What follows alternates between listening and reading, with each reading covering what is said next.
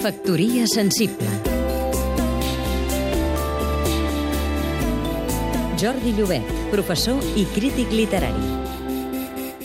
No fa gaire que ha passat la Pasqua i això ens dona peu a parlar del cristianisme.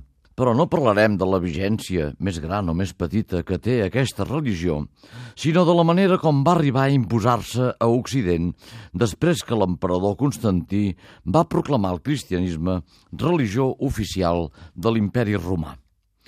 En principi, Jesús de Galilea només va ser un de tants jueus del segle I que maldava per corregir uns quants dels defectes que presentava el judaïsme del seu temps, especialment els que ostentaven els fariseus. Contra aquestes tendències, Jesús va proposar una religió de caritat i d'amor, tot afegint-hi un element que el judaïsme no podia prometre perquè no forma part de la seva teologia, la redempció. Com hem dit, ell no era l'únic que propugnava aquesta reforma, però va ser el que va tenir més èxit, en bona mesura, a causa de la seva crucifixió, que és un fet històric demostrat.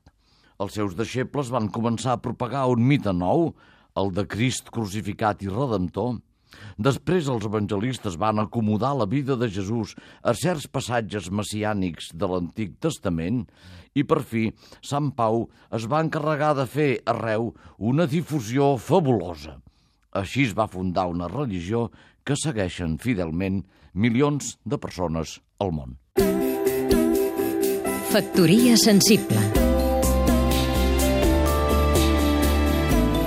Seguim-nos també a catradio.cat